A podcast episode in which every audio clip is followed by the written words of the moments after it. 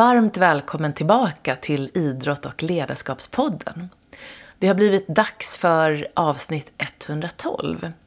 Och det här kan vara det viktigaste avsnitt som jag hittills har spelat in vad gäller din mentala hälsa.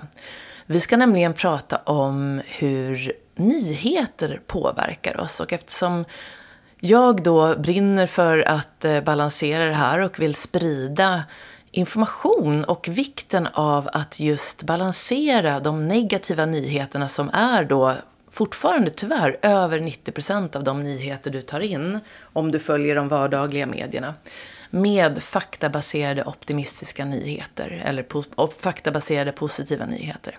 Och för att få klarhet och lite forskning bakom det här så har jag bjudit in Mattias Sundin. Mattias driver Warp News som är då ett företag som i princip har tagit vid, kan man säga, efter Hans Roslings verksamhet kan man säga, för att just eh, hjälpa oss få en mer balanserad syn på verkligheten. Och eh, jag, du kommer få en större eller en längre introduktion av Mattias i avsnittet, men här vill jag då nämna att vi kommer att prata väldigt mycket om just hur nyheter påverkar oss, varför det är så viktigt att balansera det för din hälsa, vad det är för skillnad mellan optimism och pessimism.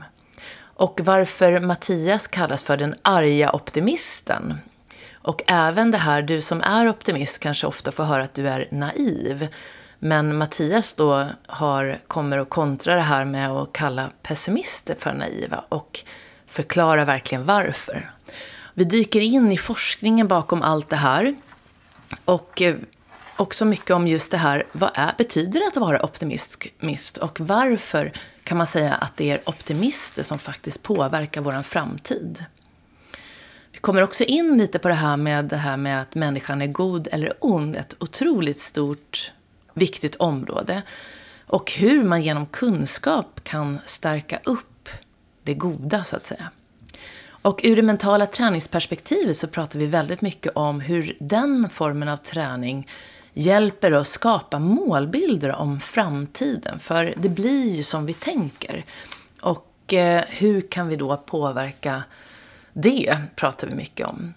Och så kommer vi in lite på det här med att driva eget och vad man gör när man stöter på motgångar och så vidare. Och Mattias lämnar sen tre väldigt viktiga råd för hur du kan göra för att balansera ditt nyhetsflöde för att behålla en mental, positiv, optimistisk hälsa så att du också mår bra. Och med anledning av det här också då så fanns det en fråga som var lång och som jag inte fick med. Så att efter det här avsnittet så kommer jag att dela med mig av en forskningsstudie om varför optimister lever längre. Och jag kommer på slutet också hjälpa dig med en mental träningsövning för hur du kan göra för att börja få in det här med en positiv målbild inför framtiden. Så häng gärna med till slutet. Men nu, luta dig tillbaka och jag hoppas att du får en riktigt härlig lyssning och att du också får mycket inspiration av det här avsnittet. Varmt välkommen och nu kör vi!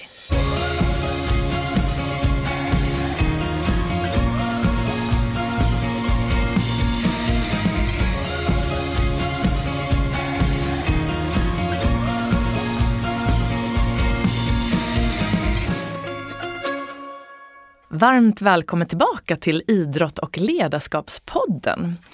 Det här är avsnitt 112 och idag är jag mycket glad att få presentera min nästa gäst för dig, nämligen Mattias Sundin.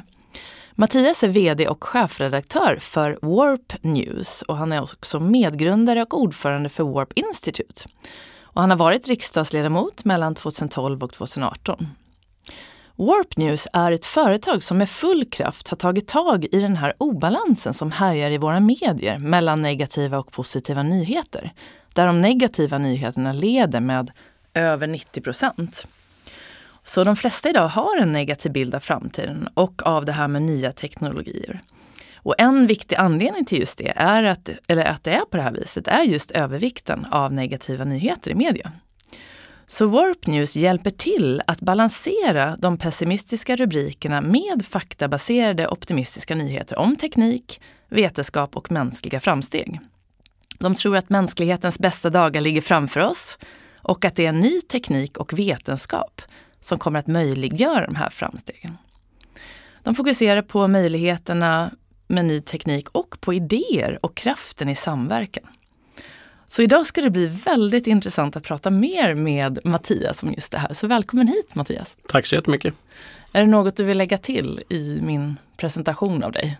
Nej, Eller av Warp News? Just det, nej den var, den var jättebra. Jag kunde inte ha sagt det bättre själv. Ja, vad bra. Så jag brukar alltid börja med, innan vi liksom kommer in på temat för dagen, och fråga för den som inte vet vem du är. Vem är Mattias Sundin om du skulle få beskriva själv? Jag är en um, arg optimist. jag är eh, arg över just eh, det du beskrev där. Eh, den snedvridningen i medierna men, men framförallt vad det leder till att vi missar mycket möjligheter. Ehm, eh, för att vi luras och tror att saker och ting är mycket sämre än vad, vad de egentligen är. Eh, men så är jag också optimist för att jag ser enorma framsteg i, i världen eh, och att vi kan fortsätta dem och eh, de stora problem som vi har kvar kan vi fixa och vi kan skapa väldigt mycket möjligheter. Så jag är liksom en mix av av, eh, av, av detta. Jag är både arg och optimist och målet är att jag ska sluta vara arg och bara vara optimist. Ja, fint mål. Ja. Och det där hoppas jag att du kommer kunna hjälpa oss med. Ja. Att bli liksom, ska man säga, realistiska men också medvetna optimister allihopa. Just det. Mm. För det som det står på din t-shirt här nu, the future is created by optimists. Visst är det så? Det är ju faktiskt så. Um, det behövs naturligtvis en mix av människor eh, i världen med olika synsätt och, och, och så. Eh, men de som mer än några andra skapar framtiden, det är ju de som kan drömma om framtiden och tänka på den och eh, visualisera den. För det är då, eh, som du vet mycket med mental träning, det är då man när man ser den här ljusa framtiden, det här vad, vad det nu är positiva man vill uppnå. Det är mycket där man hämtar sin kraft utifrån när det, för vad, vad för en företag eller projekt eller vad man nu än ska ta sig för. Så ibland är det ju jättejobbigt om man stöter på problem och hinder och sådär.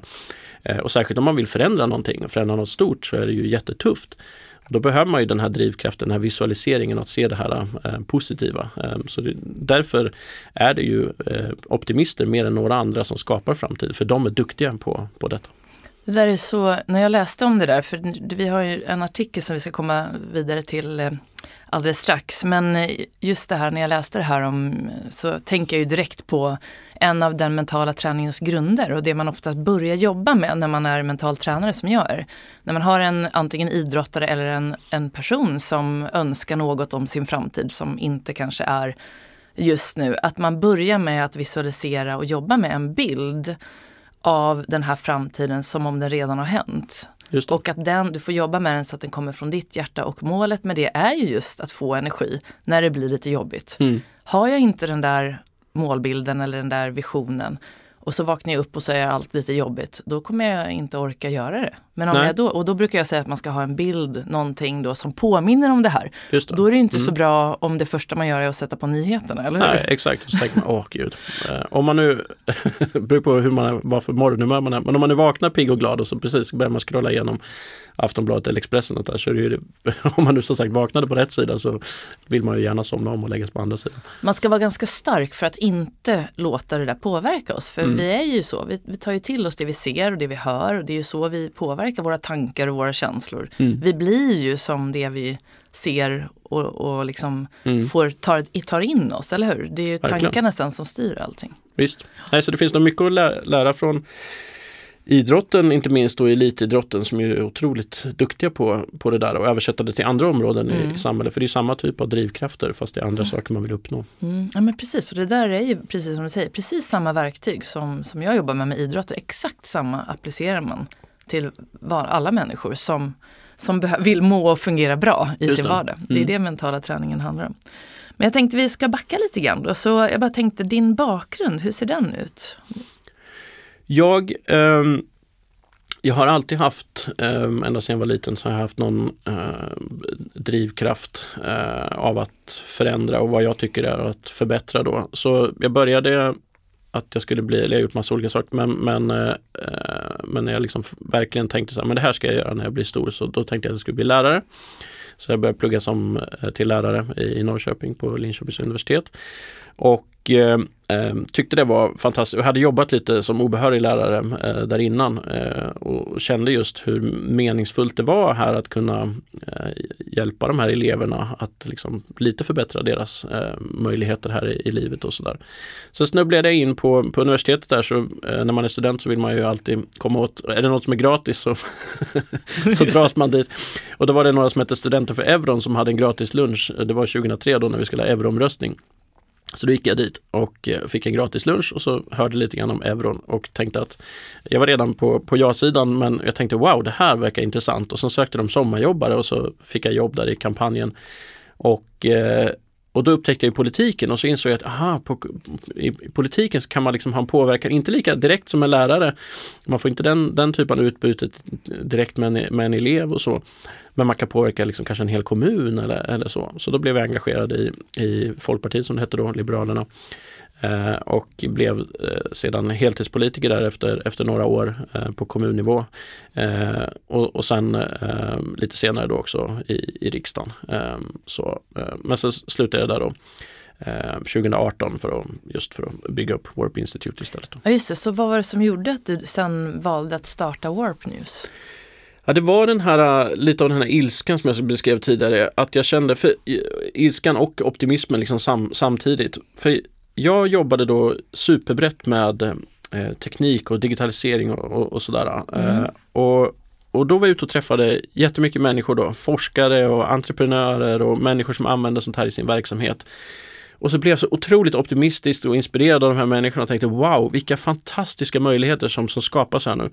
Och sen kom jag tillbaka till kontoret och så kanske googlade jag lite det här som jag hade lärt mig och sådär och så hamnade jag ofta då i någon nyhetsartikel och då var det nästan bara negativt. Om, om det hade varit om, eh, jag säger att det hade varit om artificiell intelligens, jag hade varit ute och pratat med någon forskare.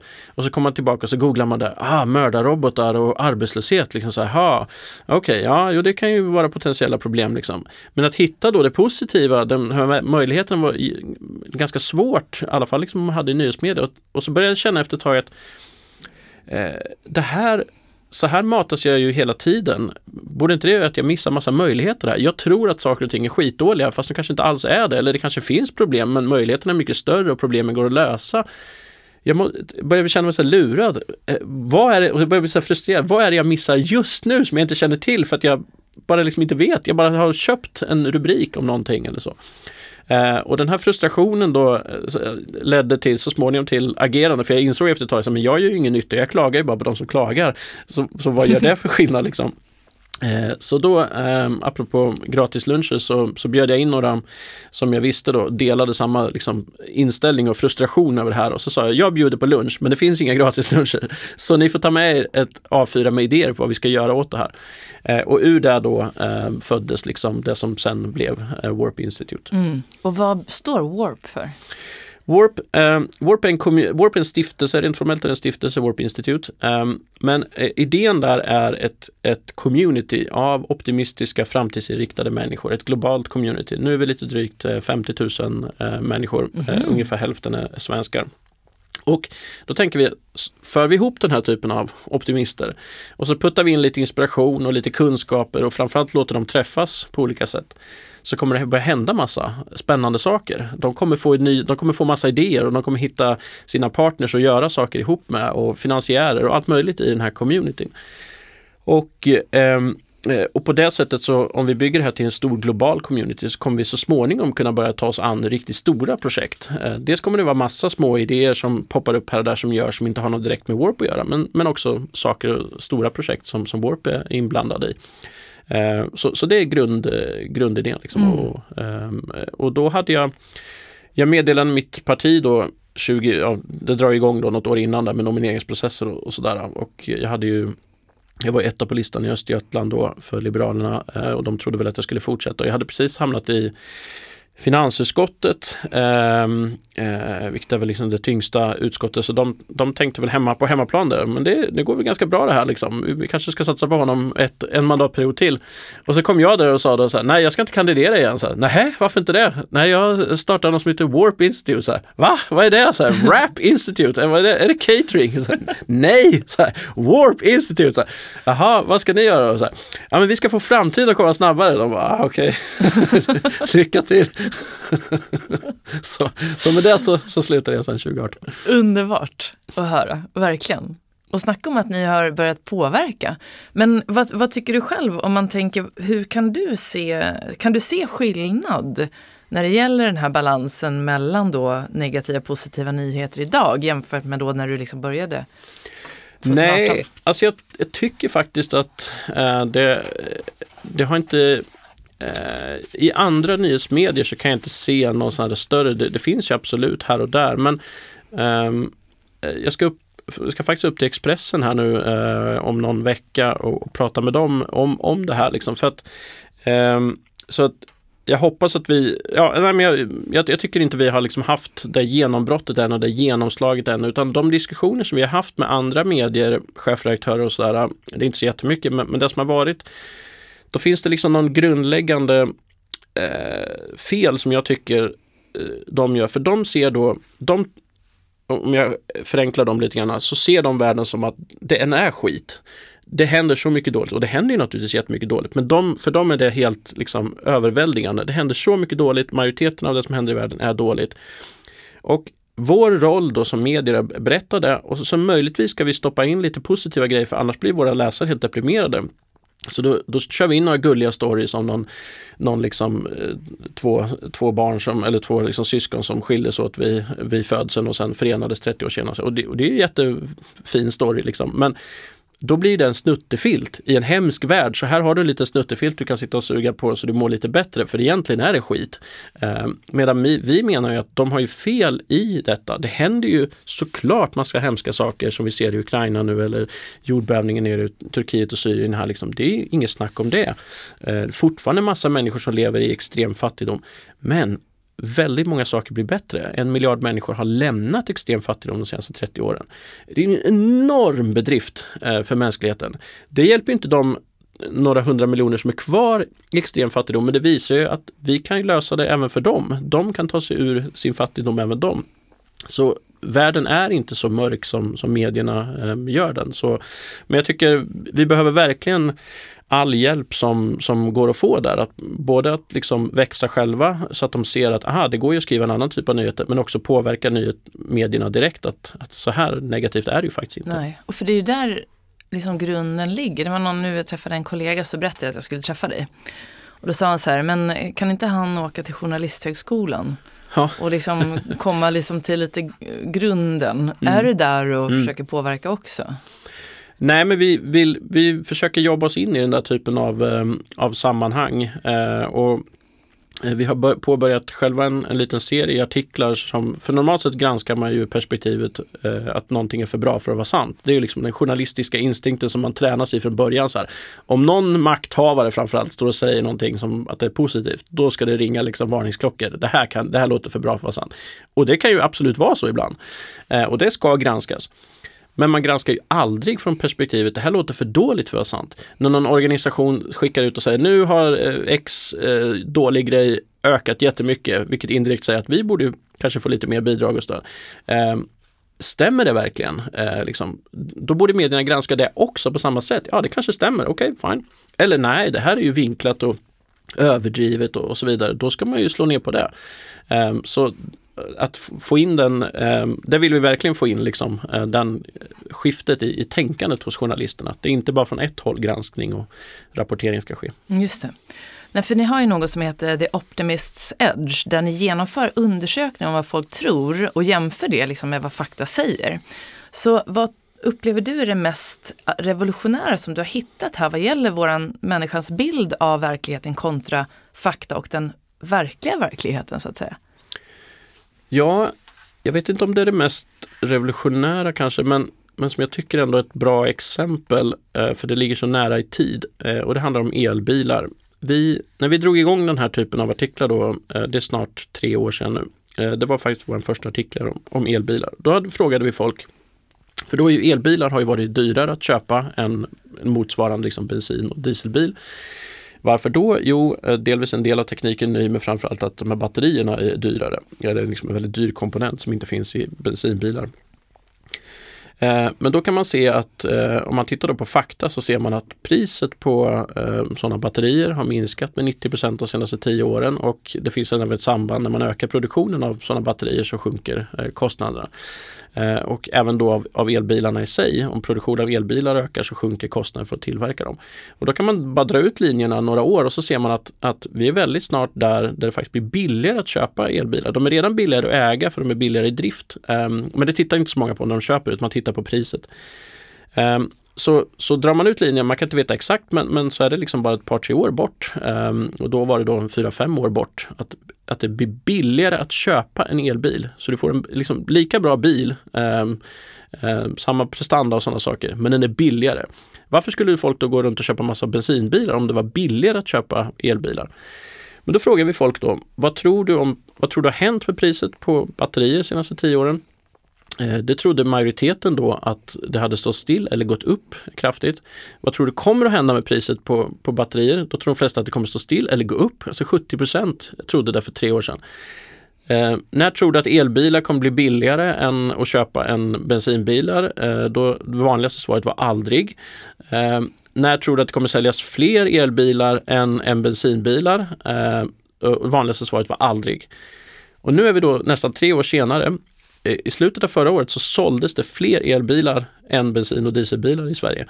Eh, så det har redan skett. Eh, priset, priset det är fortfarande lite dyrare med elbilar men vi ser att priset har sjunkit och nu drog ju Tesla till med en rejäl prissänkning här nyligen.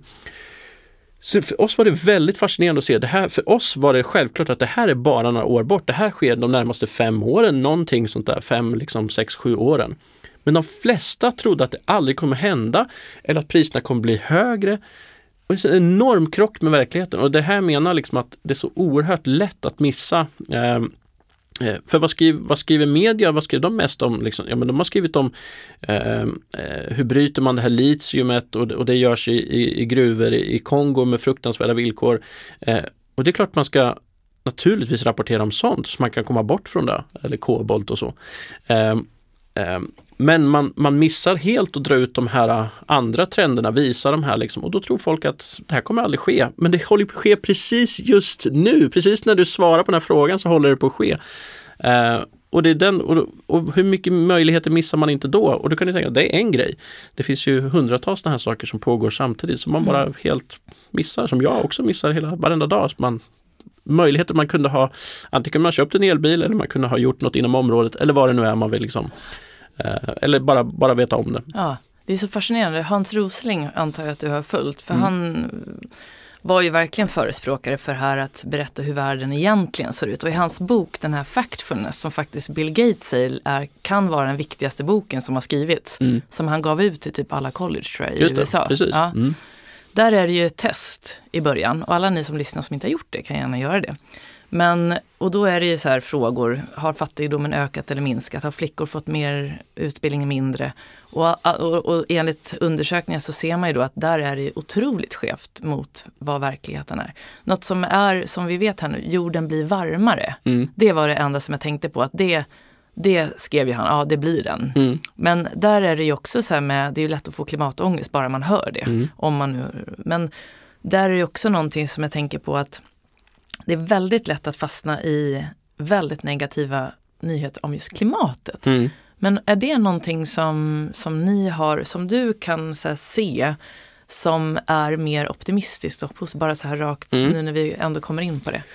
Nej men precis, Nej, men, um, och det är ju vi vi är ju vad vi kallar oss då faktabaserade optimister. Så det är inte för att vi råkade växa upp som optimister. Jag är från Närke från början så det, optimismen är ju ingenting som man får i, i vattnet där om man säger så.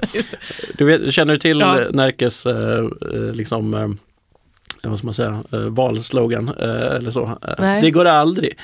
Är det så? ja, exakt, det är det vanligaste man säger i Närke. Ja.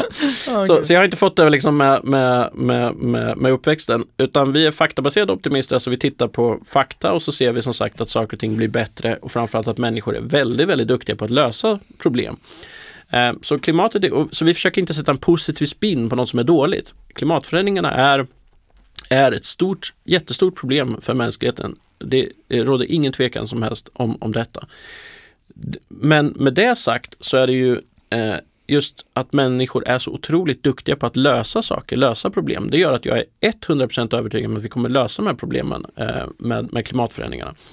Sen finns det ju eh, ytterligare aspekter till och det är ju att media, där spelar media återigen en, en, en, en, en delvis negativ roll. Att de, om, det, om, om, om det kommer ut ett, om, om det finns olika scenarion, klimatscenarion, vilket är det de väljer då att rapportera? Jo, naturligtvis där det är högst temperaturökning, där det är värst eh, konsekvenser. Fast det inte är det mest sannolika. Det är just det som är grejen.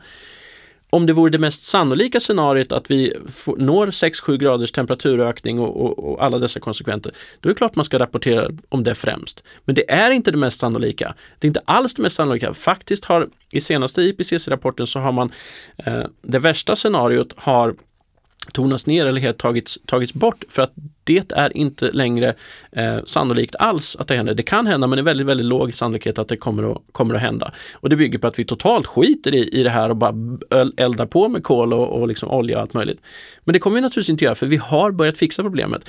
Och vår, vår slogan är ju Make the future come sooner, få framtiden att komma snabbare. Så vi vill ju att den här utvecklingen ska gå snabbare, klimatförändringarna. Eller alltså inte, inte själva klimatförändringarna, men förändringarna bort från, eh, från dem den teknikutvecklingen. Så jag håller med om att det går för långsamt. Men det betyder inte att ingenting händer. Det händer jättemycket grejer. Och förra året så pratade jag med äh, ett, ett ganska stort, intervjuade ganska många äh, entreprenörer, liksom gröna entreprenörer, startup-entreprenörer. Och då ser man ju det här hur, varför saker och ting tar lite tid. Att först, eh, alla deras stories var ungefär densamma. Att de hade fått upp ögonen för frågan för några år sedan. Um, och sen hade det dröjt ett litet tag sedan och tänkt att jag kanske ska göra någonting åt det här. Okej, vad kan jag göra utifrån min profession? Jag är arkitekt eller jag är, jobbar på bank eller jag är, ja. Så kanske de vidareutbildade sig eller hittade en ny karriär inom detta och så småningom startade de ett företag. Och nu håller de på att bygga upp de här företagen. Så jag tror att om sådär 10 år, början på 20-30-talet, då kommer vi att stå där och, och vara och förvånade över var kom alla dessa lösningar från? Helt plötsligt så är liksom problemet jättemycket mindre och vi har löst massor av de här problemen. För att då är de här företagen stora. En del av dem kommer inte lyckas och sådär som det alltid är med företag. Men flera av de här företagen är stora och framgångsrika då. Men det började nu och egentligen började det för tio år sedan Mm. så därför tar det lite tid. Liksom. Men eh, jag tror att vi liksom står inför en tsunami av klimatlösningar och när tsunamivågen är ute till havs då ser man den inte. Då ser den ut som alla andra vågor. Men när den kommer in till stranden här på början på 20-30-talet då kommer vi översvepas av positiva lösningar kring det och så kommer vi tänka Va? Oj, var kommer allt det här ifrån? Det händer ju inget. Jo, det händer. Det händer nu. Men det betyder inte att det ska eh, det inte borde hända mer. Men, men ändå, det är på gång. Ja, så positivt att höra. Jag sa precis till dig ju när vi började att på grund av att jag har ju läst mycket om er och, och sådär de här senaste veckorna så är jag ju, har jag aldrig känt mig så optimistisk som jag är nu. För att även jag då försöker ju, jag är ju medveten om mental träning och hur allt det här påverkar, men jag läser ju också nyheterna och sådär. Så att jag går ju runt också är mest arg. Mm, och pratar med min man och säger till mina barn sen, nej men det är inte bra att titta på nyheter, du vet sådär. Mm. Istället för att då bli lite mer, okej men vart kan jag hitta de här positiva nyheterna? Och bara för lite skojs skull så tittade jag ju då på nyheterna igår. Eh, och jag tänker jag börjar nu med det negativa, för man ska ju alltid avsluta med det positiva. Det. Mm. Så att igår då, ehm, en dagstidning, det finns ju fler, men det här är en av de största. Det var den 16 februari då, 2023. Då stod det så här.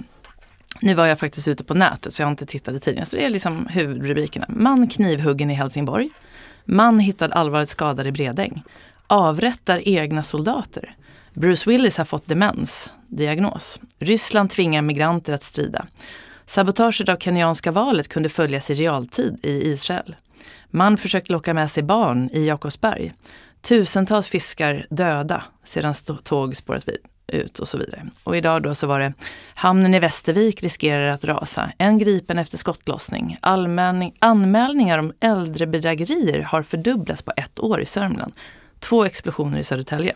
Det här liksom vaknade jag upp till idag, om jag, när jag satt och, och pratade. Och så deras då diskussioner handlade också om ungefär samma saker. Det var i alla Mm, fall ingenting mm. positivt. Nej. Och sen när man går in på er hemsida så kan man läsa så här då. Rekordmånga sälungar på Norfolk Co- Coast. Ny vaccinteknik kan ge bättre cancerbehandling och ökad överlevnad. Trippelallians bildad för att rädda djungeln. AI-modell kan identifiera lungcancerfall flera år i förväg. Utsläppen av växthusgaser från gödsel kan minska med 80 procent. Och sen den här hittade jag från ett annat forskningsföretag jag följer med positiva nyheter. Avskogningen i Amazonas i Brasilien har minskat med 61 procent. Utsläppen från personbilar minskar kraftigt och koldioxidutsläppen i Sverige minskade under 2022. Så det var ju då inte dagsaktigt men det var ändå liksom, så att då kan man ju tänka så här då, var, hur mår jag liksom? Om man tänker att jag då bara tittar på det första, Mm. som egentligen ska vara neutrala bra nyheter för alla, Just eller hur? Ja, Som vi uppmuntrar kanske barnen till och med att titta på för att hålla sig allmänbildade precis. ajour. Pratar om i skolan. Pratar om i skolan, Mm. ja. Så jag brukar faktiskt säga, om man tittar på juniornyheterna så är det faktiskt mycket, mycket bättre. Så egentligen okej. borde Mm. lite bättre. Det är Men där de- man ska kolla. det är där man ska kolla. Jo, men då tänkte jag så här, det är ju ganska tydligt så att det här matar vi. Så hur ska vi lära oss att välja och få balans? Vad gäller då det här vi matar oss med vad gäller nyhetsnyheter? Nej men eh, jag tror eh, just det Hans Rosling eh, pekade på, eh, bland annat i den här Factfulness, eh, eh han jämförde ju det med socker. Eh, att en gång i, en gång i tiden, eh, för, för många, många tusen år sedan, så var det bra att liksom, sprang man på frukt eller annat som liksom gav socker så tryck i dig allt du kan liksom för att och ta med dig allt du, du liksom, kan bära. För man vet inte när man får tag i det nästa gång så att det, är liksom, det är bra att göra så. Men nu lever vi i ett samhälle där det finns ett överflöd av socker så vi behöver inte trycka i oss. Tvärtom så är det jättedumt att bara trycka i sig socker eh, hela tiden. Och på samma sätt så, så eh, är det med nyheter. Ehm, eh, för hundratusen år sedan Eh, om om, om någon, någon i sällskapet hade tyckte sig se tigrar eh, borta vid horisonten och sen prasslade i en buske så, så var det ingen bra idé att bara nyfiket gå, gå dit och kolla. Då var det bra att vara försiktig för världen var väldigt, väldigt farlig. Det var jättefarligt att vara människa man kunde dö av väldigt många saker. Men så är det inte nu för tiden. Eh, har man turen att bo i Sverige till exempel så är världen inte alls så farlig som den var då. Och då måste man eh, hejda sin instinkt, att sin hjärna eh, som är tränad att, att varna extra mycket för faror. Då måste man måste man liksom aktivt jobba mot den. Precis som man aktivt jobbar mot att trycka i sig socker och komma bort från sockerberoende så måste man liksom komma bort från den här nyhetsdiet, eh, lägga om sin nyhetsdiet eh, och få en balans i det. Eh, och, och det är väl upp till var och en vad man gör men jag tror att grundtipset är väl att sluta med det här slentrianbeteendet som jättemånga har. Man går in på Aftonbladet, Expressen, scrollar igenom, man, liksom, man matas in av de kanaler som man brukar få. För det finns, det finns för när vi startade Warp News och började skriva de här nyheterna, då tänkte vi först så här, kommer vi ens att hitta nyheter? Eh, liksom skrivs det överhuvudtaget? Liksom så här? Och det gör det. Det finns jättemycket sådana nyheter. Det finns många mer negativa, men det skrivs jättemånga positiva nyheter. Men de får inte samma, samma typ av spridning som de, de negativa, men de går att hitta. Så det går jättebra om man slutar slö, eh, ta in nyheter från liksom kvällstidningar och andra, eller minska på det dramatiskt i alla fall. Så finns det massa andra kanaler beroende på vad man själv gillar bäst. Om det är via, om det är via böcker eller ljudböcker eller om det är på Youtube eller liksom alternativa medier, nyhetsbrev ja, och, och sådär. Liksom vilka konton man följer på sociala medier. Så, så liksom, men, men det kräver en aktiv handling. Det, det sker inte av sig själv. Nej, det är jättebra, just att det är en aktiv handling. Och du sa någonting spännande där som, som jag jobbar jättemycket med och som alla mentala tränare jobbar väldigt mycket med och som jag vet även psykologer och terapeuter jobbar med. Och det är just det här att kunna förstå våra instinkter, våra jag brukar kalla det felprogrammeringar för vi är ju som Mm. grottmänniskor i Mm. förklädnad. Och så har vi alla de här gamla programmeringarna för vår överlevnadsskull som då ligger i dominans. Alltså Mm. stresssystemet eller det här sympatiska nervsystemet, det är liksom på en load i hela världen just nu. Just. Vi tror att det är massa faror som inte egentligen är där Nej. på riktigt. Och då behöver vi bli mästare på att aktivera det lugnande systemet. Mm. Och det är ju en aktiv handling för det kommer inte riktigt lika automatiskt längre. Nej, nej. Om jag sticker ut och springer och blir skittrött, då liksom efteråt så är det lätt för mig att slappna av. Mm, Men om jag sitter hemma och bara kollar på nyheterna och inte rör på mig och blir rädd, orolig, då Mm. får jag stresshormoner som inte jag blir av med. Då behöver jag aktivt liksom ta hand om det. Och då kan jag liksom, ja, men, Mm. och då är det ju att aktivt välja vad man ser Ja, på. Eller hur? Precis, ja visst. Och, men det är det som är det fina med den här världen med Tack vare internet att vi har, det finns ett enormt utbud. Som sagt, många av de här andra kanalerna är inte lika stora men de finns där. Eh, och, och jättemycket av det är gratis. Så, att, så, så det, det gäller bara att hitta dem. Eh, och, och det är inte så svårt. Och, sen ställa om sitt flöde. Liksom. Ja, och ett sätt är att följa er. Ja. Warpnews.se kan man Ja, börja med att gå. Det kan vi ta redan nu. Precis, Ehm, där publicerar vi ju nyheter och lite andra texter och så. Men, men främsta rekommendationen är i vårt nyhetsbrev som är gratis, som kommer ut varje, eh, varje torsdag. Ehm, så, så då får man en, en, en dos optimism i inboxen, i alla fall en gång i veckan. Ja, och jag följer det. Det är fantastiskt bra. Så jag tänkte prata nu lite om att vara optimist. Mm. Så hur skulle du beskriva en optimist?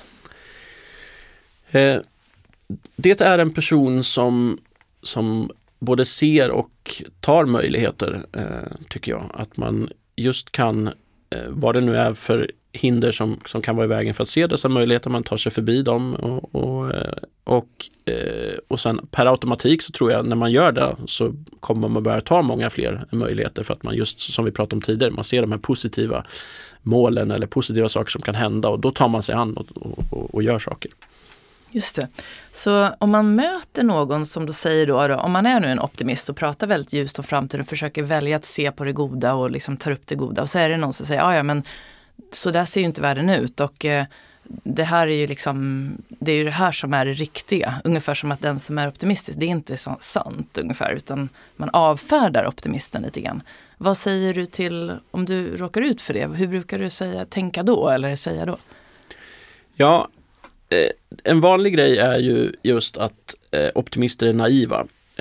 Och det är väl det som gör mig mer arg än någonting. För att, eh, och, och det är inte bara för att eh, jag själv känner mig träffad utan för jag tycker det är så oerhört eh, dumt perspektiv.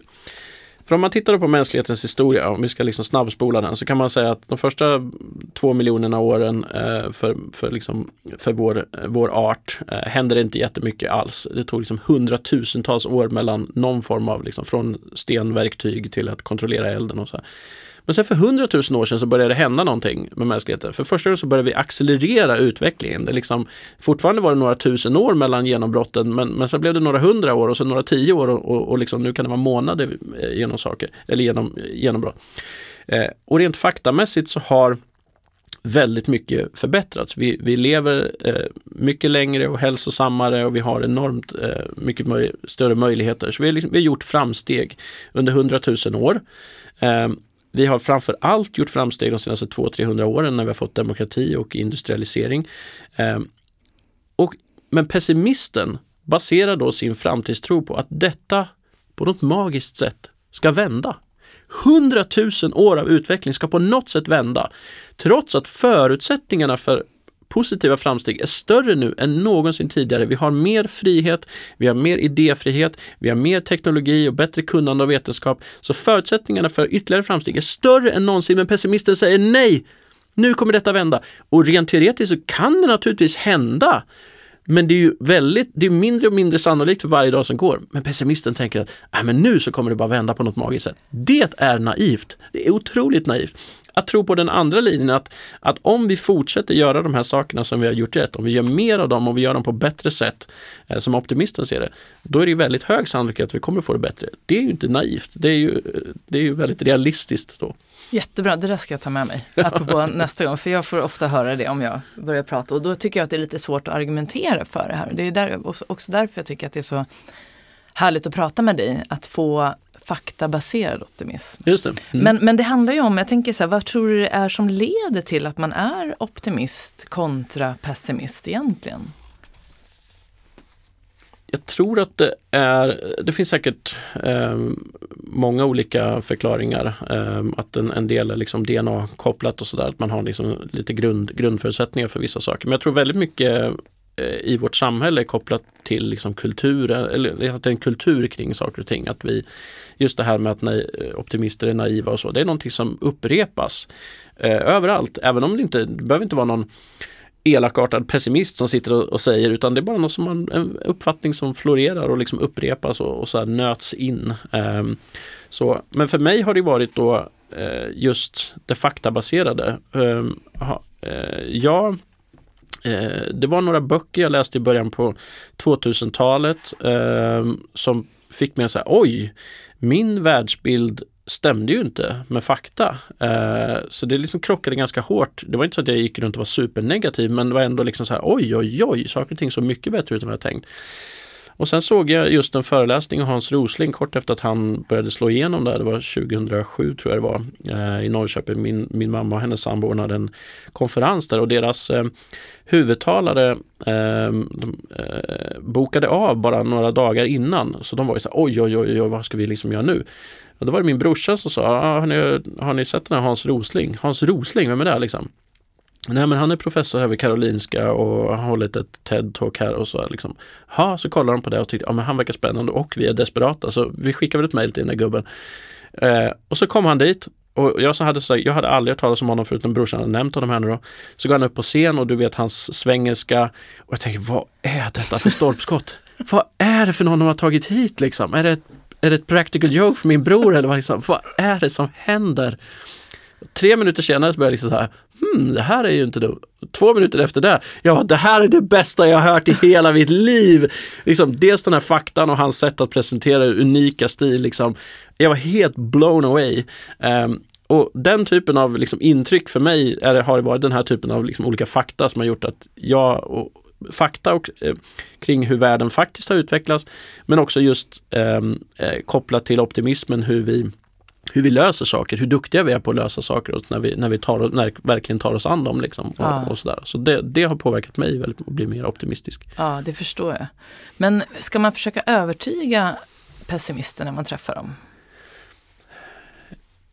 Ja, eh, jo men det tror jag. Eh, det är nog bra att försöka övertyga eh, alla. Eh, sen de som är lite mer hårdnackade pessimister, eh, man ska nog inte, det är lite som i som man, som man eh, tänker inom politiken. Liksom. De som är, om man är för Liberalerna så är det inte, liksom, det är inte Vänsterpartiets väljare man går efter först. Eh, utan man tar de som ligger närliggande och liksom har, är kanske öppen för ens tankar. Men, eh, så de tror jag det, man ska lägga krutet på att övertyga de som liksom kanske inte är hårdnackat åt, åt, åt något håll. Liksom. Eh, och, och just vad gäller pessimister och, och så här så ett, av, ett av våra eh, syften är ju att liksom ändra den här kulturen kring optimism och pessimism som vi pratade om alldeles nyss här. Att det är liksom pessimisterna som är de naiva. Så vi har också gett ut en liten, liten kort bok eh, som heter Naiva pessimister som går igenom både i nutid och historien olika pessimister. Den är väldigt underhållande kan jag säga. Ja, det, är det är många korkade och roliga saker som de har sagt. Ja, men spännande. Så jag tänker på det här om människan är god eller ond. Det var någonting som jag själv har reflekterat ganska mycket över och jag tror ju att människan är god i grunden. Jag kommer ju också lite ur det yogiska perspektivet där man också pratar mycket om att vi, vi har det här rätta, vårt sanna jag är alltid gott när vi föds. Sen kan det ju hända saker, egot kan ta över och det, det blir ont och vi har det onda också. Och Anders Hansen har ju de här Din hjärna på tv och jag vet att det var ett avsnitt om just, är människan god eller ond? Och han kommer fram till någonstans att vi är både och då. Och man har den här, ni vet den här historien om, eh, jag tror det kommer från någon hövding i, liksom, eh, i USA som pratar om med sitt barnbarn och, och, om två vargar. Den ena är god och den andra är ond. Och så frågar barn, vem är det som vinner? Det är den man matar. Apropå vad vi matar mm. oss med. Men då läste jag eran, på er hemsida om David Deutsch, eller Deutsch, Deutsch mm. som är professor vid Oxford University. Och han är en av världens ledande intellektuella om optimism.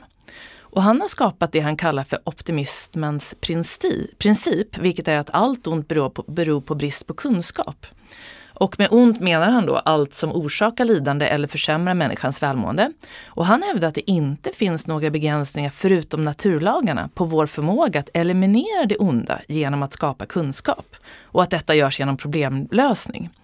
Så hur upplever, vilka liksom, vilken vision har du när det gäller att öka vår kunskap för att besegra det onda? Mm.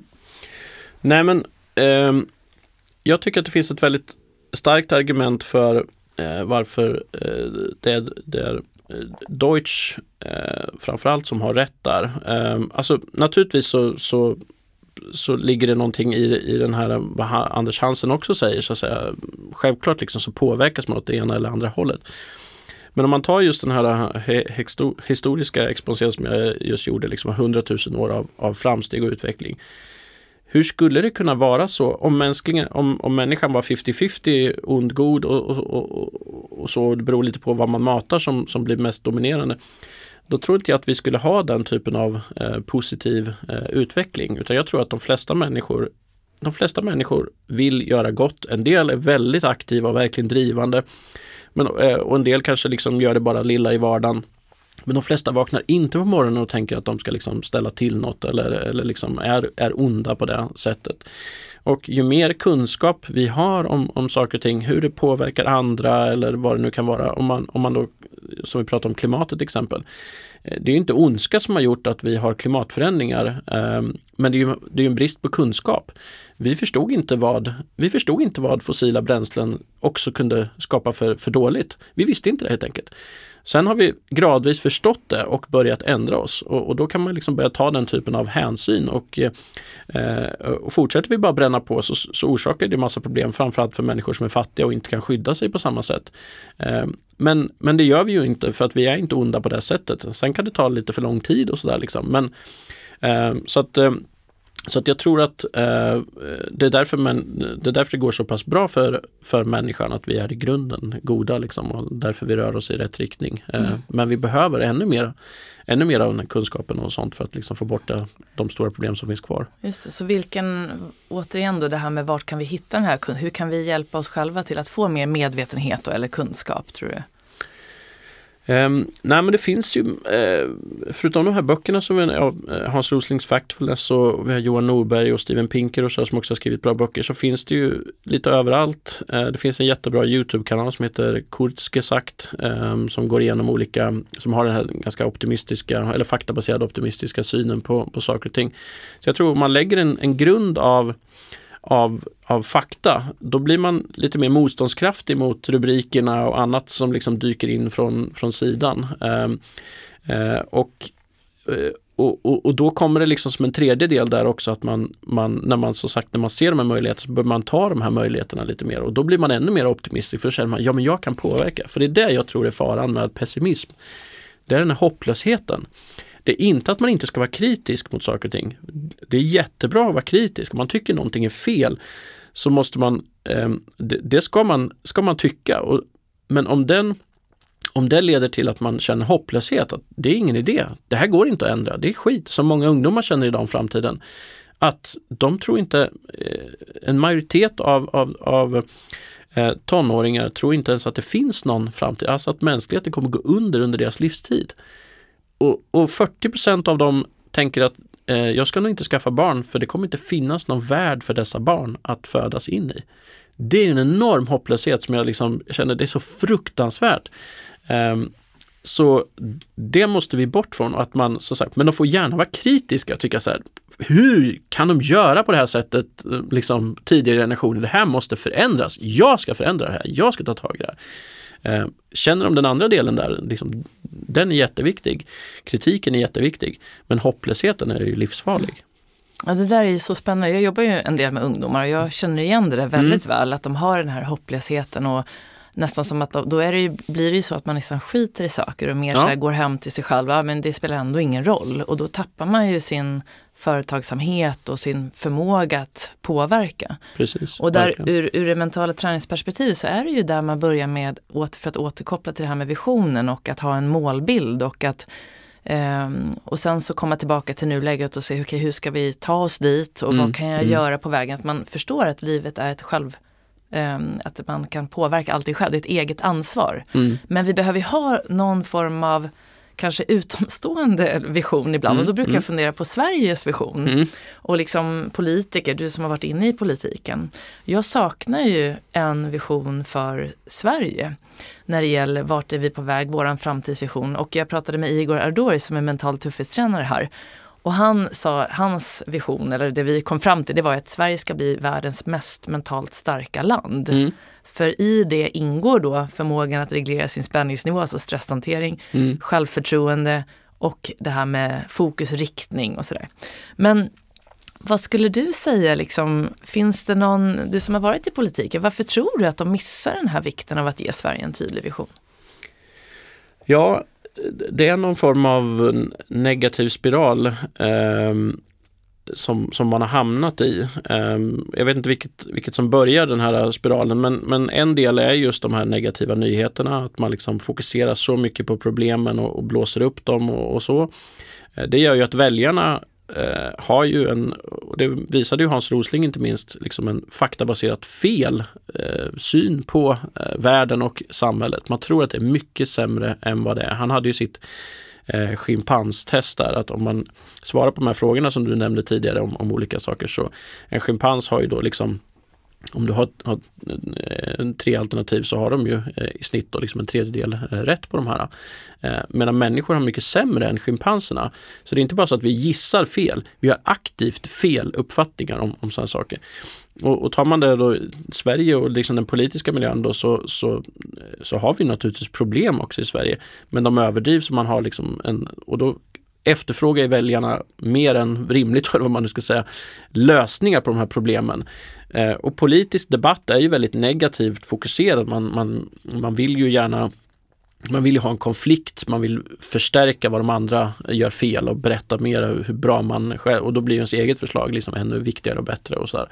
Och så samspelar de här hela tiden i någon form av negativ spiral, de ger varandra. Eh, och sen också så, så finns det väl ett in, eh, väldigt dåligt inflöde av eh, Eh, framtidsidéer. Liksom. Eh, för det, man tänker inte så mycket på det utan man tänker på hur löser vi de här problemen som vi har framför oss just nu. Man tänker inte så, my så mycket längre. Ehm, och så, så hamnar man ju där. Jag, när jag var i, i politiken då så Eh, som sagt, jag blev, ju, jag blev ju mer och mer optimistisk där ju mer jag jobbade med de här frågorna. Så då började jag ju säga det en del i, internt i partiet. Men vi borde lyfta fram de här grejerna. Vi borde liksom vara mer optimistiska och så här.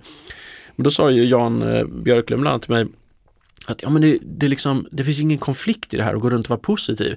Jag sa, bara, testa sa jag, gå runt och vara lite optimistisk ska du se, det smäller duktigt. Alltså, det, du får verkligen konflikter. Och särskilt i en miljö där allt är, då politiska miljön och, och debatten, där allt är så otroligt negativt. Om någon, om, om, jag tänker så här, ur ett rent så här konkurrensperspektiv, så om alla säger ungefär samma sak om problemen, kanske lite olika lösningar, men man har samma, typ samma problembild om någon har en annan problembild eller en annan syn, liksom, ja vi har problem men titta här vilka möjligheter det har, vi kan lösa de här, vi har en vision för Sverige. Så tror jag, särskilt för ett sådant litet parti som Liberalerna som knappt finns kvar i riksdagen, skulle det verkligen vara liksom, konkurrensmässigt. Men eh, det, det bröt eh, aldrig igenom, så jag tror man sitter fast i den här eh, fast i den här liksom. Och för Warp News så testade vi i valrörelsen. Vi, vi sa till partierna, riksdagspartierna, ni får hur mycket utrymme ni vill i en artikel och beskriva er optimistiska vision för Sverige. Vårt enda krav är att ni ska fokusera just på det positiva, inte att klaga på de andra partierna utan berätta om er optimistiska vision. Ni får ta upp problem men ni får ta upp hur man löser dem. Vi fick två svar. Sex Mm. partier orkade inte ens liksom sätta ihop eh, ett, ett svar. För att de har inte det. Hade jag så här, hej jag skulle vilja ha tre artiklar om gängvåld. Så, Ah, du kan få fem eh, Ja. imorgon eh, eller om tio minuter. För de finns färdigtryckta eller färdigskrivna. Men här var de tvungna att sitta och, för det finns ju naturligtvis positiva delar i allas program och så. Men det här att sätta ihop det till en vision, det hade ingen, ingen gjort. Tänk om de skulle ta fram en väldigt positiv vision om hur vi ska lösa gängvåldet just nu Ja, och gå ut Mm. med det. Mm. Och det här är ju så roligt för att det här är ju forskning, forskningen, om man nu ska, apropå faktabaserad, apropå vad det är som gör att människor mår och fungerar bra. Det är ju att vi har en bild av något som ger oss energi nuet, alltså någonting, för det är då vi verkligen kommer till skott och börjar göra saker och vill göra skillnad och sådär. Så det är ju verkligen en framgångsfaktor för ett Mm. parti. För då skulle man ju såklart börja välja de mer. Ja, det är det jag tänker att eh, om någon bara kunde testa det. Men konstigt. de, men de vågar liksom inte Nej. Nu blir jag också arg. bryta sig ur. Ja. Men det här är ju ett sätt som ni jobbar med nu, att verkligen försöka påverka. Så att förhoppningsvis så, det, det är väl det här som du säger, att behöva mod för att våga och vara den första, Mm. kanske då inom partivärlden, som, som gör det. Och de kommer ju skriva historia då. Ja, och det var lite det jag försökte säga också ehm, internt att så här, om ni tittar på stora politiker genom åren, framförallt om man liksom då tittar på, på USA, liksom, eh, vilka politiker är det som, om man liksom på presidentnivå då, eh, vilka är det som haft eh, ett, ett liksom enormt genomslag de senaste årtiondena. Ja, men dels har vi Barack Obama. Eh, vad var hans kärnbudskap när han blev vald? Jo, men det var hopp. There's nothing false about hope, som han sa. Eh, Eh, Ronald Reagan eh, blev ju vald han, eh, 1980 mot Jimmy Carter. Jimmy Carter liksom var deppig och åh, det går så dåligt och, och så vidare. Eh, Ronald Reagan kom in och sa det här kan vi fixa och sen han blev återvald sa han It's morning again in America. Liksom, nu, nu blomstrar det här liksom. Den här enorma optimismen som han liksom personifierade med mycket sin humor och sådär. Och sen hade vi Kennedy eh, som också hade den typen av grundbudskap liksom på, på 60-talet. Så de få politiker som förstår att att bryta sig ur den här äh, tragglandet med att vara negativ och bara kritisera och så vidare. Att bara göra det. Politisk debatt är ju naturligtvis också att bryta åsikter och kritisera de andra. Men att ha en annan komponent, det är ju de som har blivit de riktigt stora framgångsrika. Så. Ja. Åh, jag längtar tills det där kommer. Jag Mm. tror det kommer komma. Men Det jag jag, med. jag hoppas att någon lyssnar här. Ja, Och de behöver kanske lite mental träning. ja. Det- Från grunden. Det, ja, det tror jag. Eller hur? Det tror jag verkligen. Det tror jag. Det finns så mycket verkligen bra där alltså. Men jag jobbar ju med det så att jag är ju lite partisk. Men, eh, men det är verkligen så. Men jag tänker apropå det här med det du jobbar med och att du, du upplever att det finns lite motgångar. Att det går, du vet, det går lite för sakta och sådär. Hur gör du när du liksom stöter på hinder och för att själv behålla hoppet? Nej men för mig är, eh, är det just den här, jag har inte någon sån mental bild kanske så här supertydlig. Ehm, men jag har den här eh, breda, breda bilden av vad jag nu ska kalla det av visionen av vad jag vill ehm, förändra och hur liksom påverka världen. Det är den som, som driver mig. För det är ju, ja, som du vet, att, driva eget och sådär, ibland är det ju jättejobbigt. Liksom. Eh, allt från tråkig administration till andra liksom, problem och ja, bara, man liksom bara, så, åh herregud. Eller man, också mycket som man har så många bollar i luften och ja, sådär liksom. Eh, och så ska man ja, få allting att liksom funka samtidigt. Här. Ibland är det ju bara väldigt, väldigt uttröttande. Eh, men då, då känner jag mig, eftersom jag har sån enorm övertygelse kring det här och att jag jag vill göra vad jag kan. Jag är inte, jag är inte sån som jag går runt och tror att jag kommer lyckas, jag vet att jag kommer lyckas. Så tänker inte jag. Jag tänker att jag ska, ge, jag ska försöka allt jag kan. Eh, eh, då kommer jag, det kommer jag må bra av och det ökar min chans att, att lyckas. Så i de här lägena när det är liksom, om det eh, är, är liksom, ja, när det på olika sätt är tufft så har jag den här den, det, det i mig som gör att jag ibland känner jag mig som en, liksom en, en positiv Terminator. Det finns ingenting som kan stoppa mig. Liksom. Om jag så måste släpa mig fram med tänderna på marken så nog fasen ska jag framåt. Liksom. Lite till, lite till, lite till. Och så tänker jag så lättar det så småningom och så, ja. Ehm, Men det är den grund, liksom, eh, missionen som jag är på, som jag liksom hittade. Det här är, det, vi- det här är min livsmission. Liksom. Ja. Eh, och, och då eh, och misslyckas jag med någonting här, då testar jag på ett annat sätt. Liksom, tills jag på något sätt, någon gång hittar något sätt. Mm. Eh. Och det där, som jag hör så har du ju verkligen ett, det man kallar på engelska för noble purpose. Att göra stor skillnad och då spelar det inte så stor roll när någon kommer med kritik eller går. För det där är, det är ett sånt starkt driv Mm, att världen kommer bli en bättre plats när jag lämnar den. mm, Och det är ju det du jobbar med och det som gör att du går upp på morgonen och, ja, och att det finns där så himla integrerat liksom inom dig så att du behöver inte ens Liksom, du behöver inte de där bilderna för att Nej. titta på det utan det finns där redan. just det. Mm. Och Nej, det där är ju så. fantastiskt att, att få den typen av liksom, syfte. Ja, och det är det jag eh, Jag är ganska bra på det och, och tillsammans med min fru är jättebra på det att så här att stanna upp. Det kan vara en jätteliten kort grej i vardagen eller, eller ibland liksom man sätter sig ner och så här verkligen ehm, verkligen för sig själv och för varandra så här liksom att man så här eh, Eh, är tacksam för saker och ting eller liksom att um, eh, om någonting har gått bra eller om någonting att man verkligen uppmärksammar det för sig själv. Att liksom, men nu gjorde vi det här eller liksom eh, vi är på den här, vi jobbar med det här. Eh, är det jobbigt på något sätt så jobbar vi ändå med eh, det som vi tycker är det roligaste som finns. Liksom. Och jag är, så, jag är så oerhört tacksam att jag hittade min livsmission. Politiken var jättekul, jag trivdes, trivs jättebra där. Eh, men det här, det här är min livsmission. Det här är liksom, jag känner verkligen det. Eh, och är så glad att jag har hittat det. Eh, mm. och jag menar inte att det var tur. Jag har aktivt jobbat um, och tagit mig fram och, och liksom funderat och mycket så här. Så att, um, men jag kunde naturligtvis haft otur och inte hittat det. Liksom det här perfekta uh, träffen. Liksom. Uh, men, så jag, men jag är väldigt, väldigt tacksam över det. Uh, för det är naturligtvis en del som tyckte då som sagt när jag slutade, liksom, här, men vadå, du har en jättebra karriär här på gång. Du kan bli, kanske bli minister, du kanske kan bli partiledare, och liksom, du kanske kan bli, så, ja, kanske, kanske.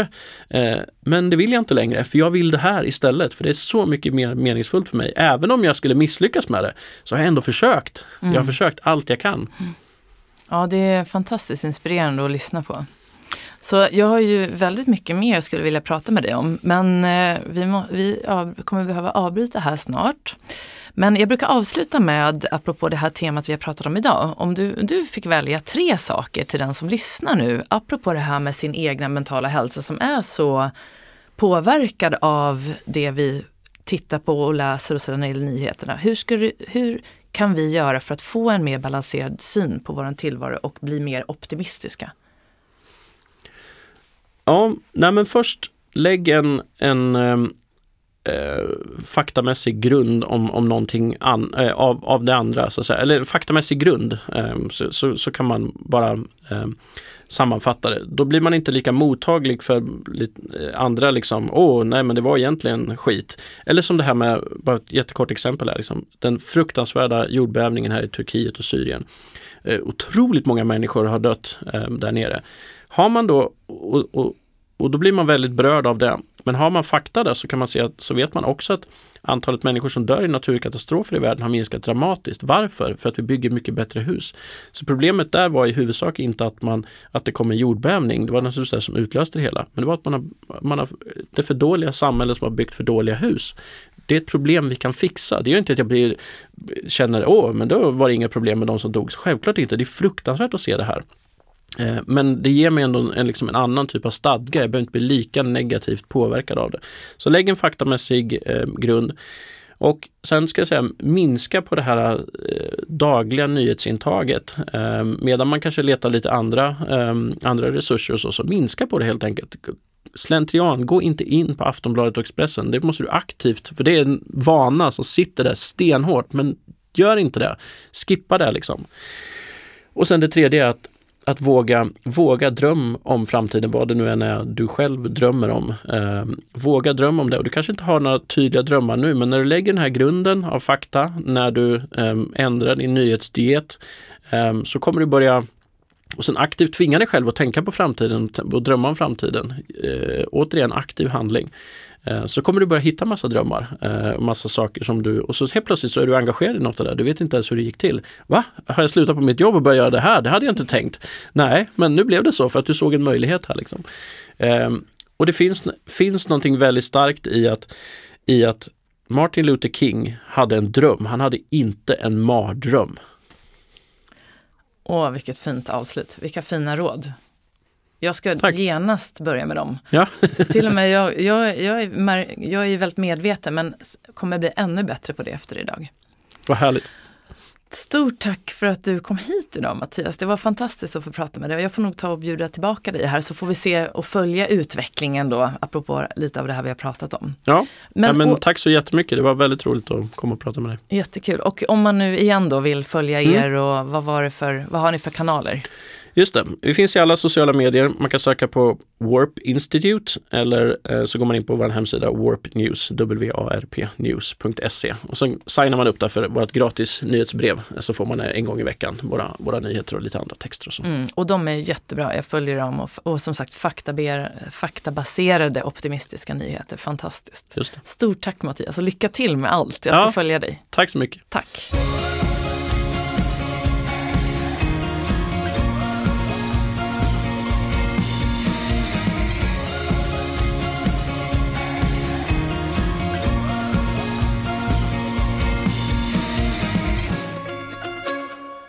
Då har du fått lyssna till mitt samtal med Mattias Sundin. Och jag hoppas att du nu har fått med dig en hel del kunskap och inspiration som du kan ta med dig in i din egen vardag. Vad gäller just det här med ditt nyhetsflöde och hur du kan balansera upp det här på ett bra sätt för att må bra. Och som jag nämnde i början då så hade jag en fråga som vi inte hann med som var lite längre men som ändå är väldigt viktig. Och jag frågade Mattias om det här då efter avsnittet. Och han skickade mig en väldigt bra artikel om det. Så frågan handlade om, eh, vi vet ju att vi vet idag att vårt immunförsvar reagerar positivt på positiva tankar och känslor. Det kallas ju placebo också. Och även negativt på negativa tankar och känslor. Det kallas för nocebo. Och det här har jag ju sett hos många klienter och även här i podden när jag intervjuade Lasse Gustafsson som också kallas brandmannen apropå hans upplevelse när han, när han var 25 då var med om en väldigt allvarlig brandolycka. Så du får gärna lyssna på det avsnittet om hans eh, erfarenhet av det innan han ens visste vad mental träning var. Och vikten av att då skapa positiva målbilder för att få energi och för att stärka immunförsvaret. Så på, här, på den här frågan då så där jag pratade om vikten av att just vara positiv och varför Mattias eh, tycker att det är så viktigt att försöka påverka sin egen optimism och sin egen förmåga att tänka positivt så hänvisade han till den här artikeln då. Eller den här studien. Och det är en studie då som gjordes, eh, som startade på 90-talet och där resultaten kom nu i juni 2022.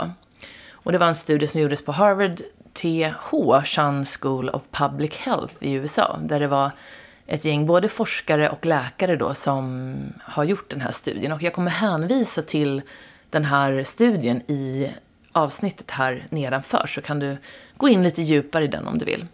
Men i alla fall, det här var då en studie där man följde 160 000 amerikanska kvinnor i åldrarna 50 till 79 år. Och varför man tog just kvinnor var för att man ville få ett större perspektiv kring den här frågan. För att tidigare hade man bara forskat på män. Och nu tog man också den över olika etniska grupper för att se om det var skillnad då vad gäller just eh, effekterna av att vara optimistisk. Och det man såg var att det inte var någon skillnad. Man såg också då att det var 5,4 procent av de som är optimister då, när man är optimist, lever alltså längre än andra och har 10 procent större chans att bli över 90 år. Så deltagarna fick då svara på frågor som visade hur optimistiska de var och forskarna har, har då nu analyserat svar, resultaten som då publicerades i juni 2022. Så det är ju väldigt spännande artikel det här att se hur optimister verkligen får väldigt fina effekter på både immunförsvaret men också det här, alla delar som gör att du lever längre. Och forskarna hoppas då att deras studie ska visa att det kan vara bra att se på hälsa i ett större perspektiv. Vi tenderar att fokusera på de negativa riskerna som påverkar vår hälsa, skriver de. Men det är också viktigt att tänka på de positiva resurserna vi har, som optimism, som kan vara välgörande för hälsan. Och speciellt om vi kan se de fördelarna för alla etniska grupper, säger då Hayami Koga som var huvudforskare i studien. Så läs gärna mer om den här studien och nu hoppas jag att du vet hur du själv kan göra för att börja så att säga mata din egen hjärna med en balanserad, en nyans och med mer faktabaserade optimistiska nyheter. Så ett råd här är ju också såklart att följa Warp News.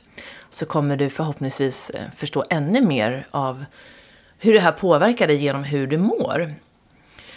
Ehm, så det var det med den här studien. Sen tänkte jag på det här med just mental träning som jag själv jobbar med. Och vi kom ju in på det lite i avsnittet och vi pratade i efterhand också om att vi borde nästan ha en kurs som heter mental träning för att bli mer optimistisk eller för att bli mer positiv.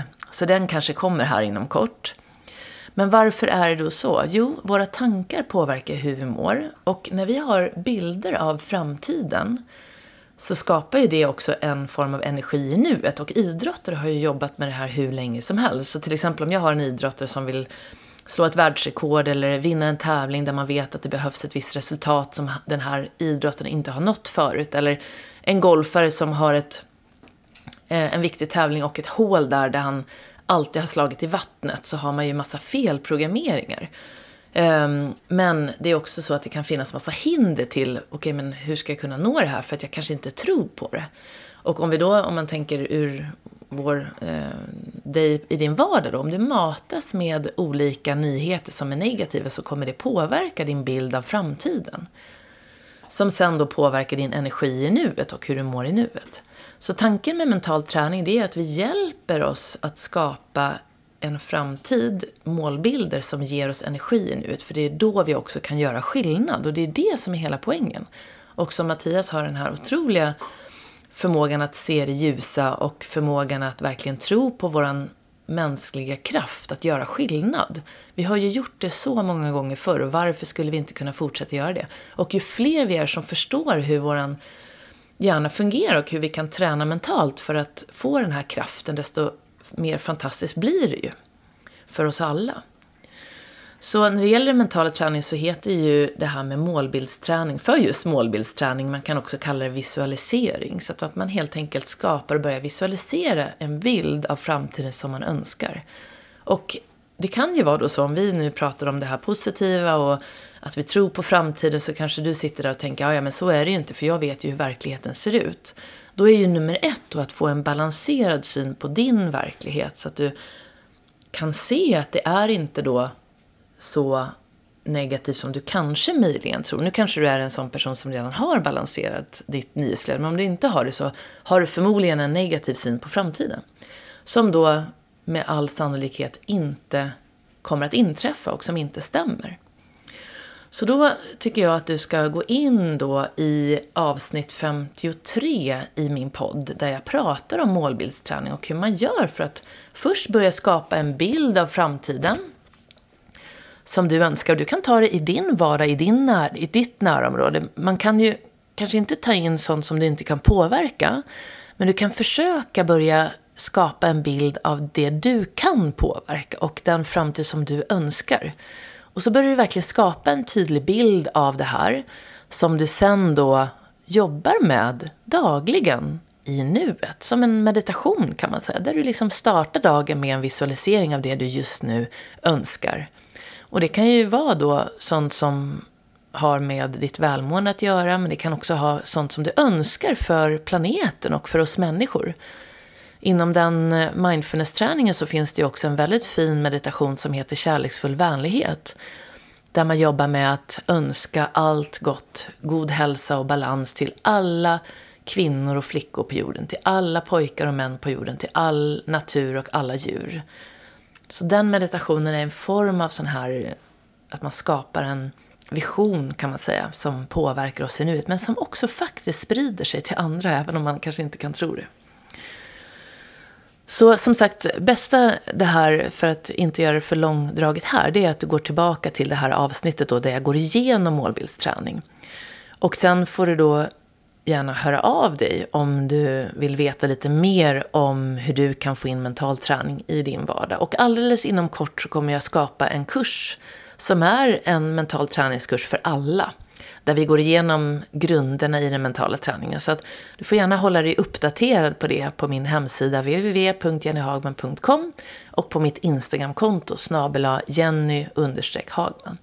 Och som sagt, vill du följa Mattias Sundin så gå in på Warp News och börja följa deras nyhetsbrev så får du i alla fall ett brev eller en text varje vecka för att skapa mer positiv syn på din tillvaro helt enkelt. Så som sagt, hör väldigt gärna av dig om du har frågor eller funderingar och eh, nu önskar jag dig en fortsatt härlig dag eller kväll och så hoppas jag att vi ses här snart igen. Ta hand om dig. Hejdå!